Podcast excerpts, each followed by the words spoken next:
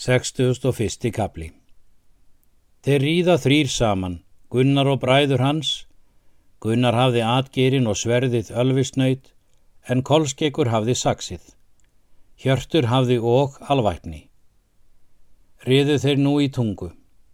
Áskrímur tók vel við þeim og voru þeir þar nokkur að ríð. Þá lístu þeir yfir því að þeir ætluðu þá heimað fara.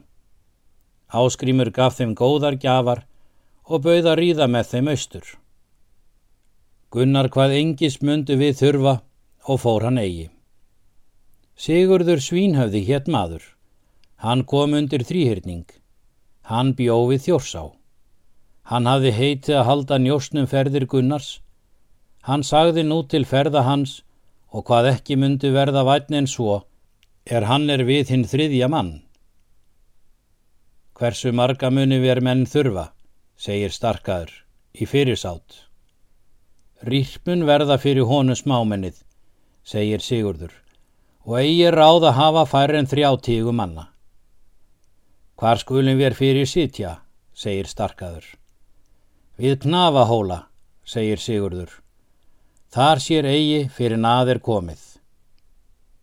Far þú í sandgil, segir starkaður, og seg agli að þeir búist þaðan 15 en við munum koma hérðan aðri 15 til knafa hóla.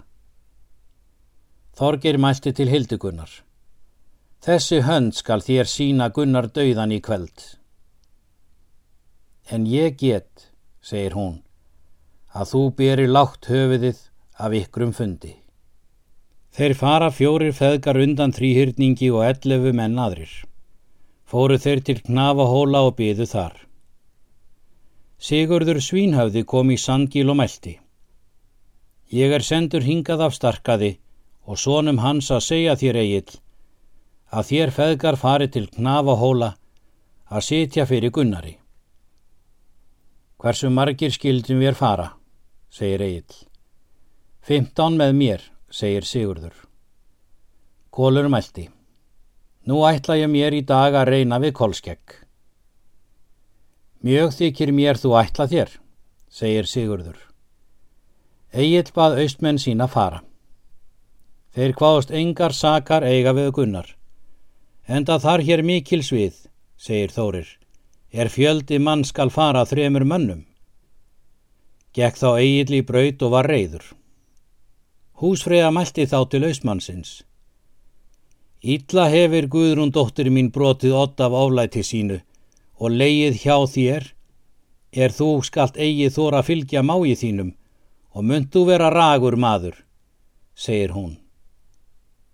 Fara mun ég, segir hann, með bónda þínum og mun korgi okkar aftur koma. Síðan gekk hann til Þorgríms félaga síns og mælti.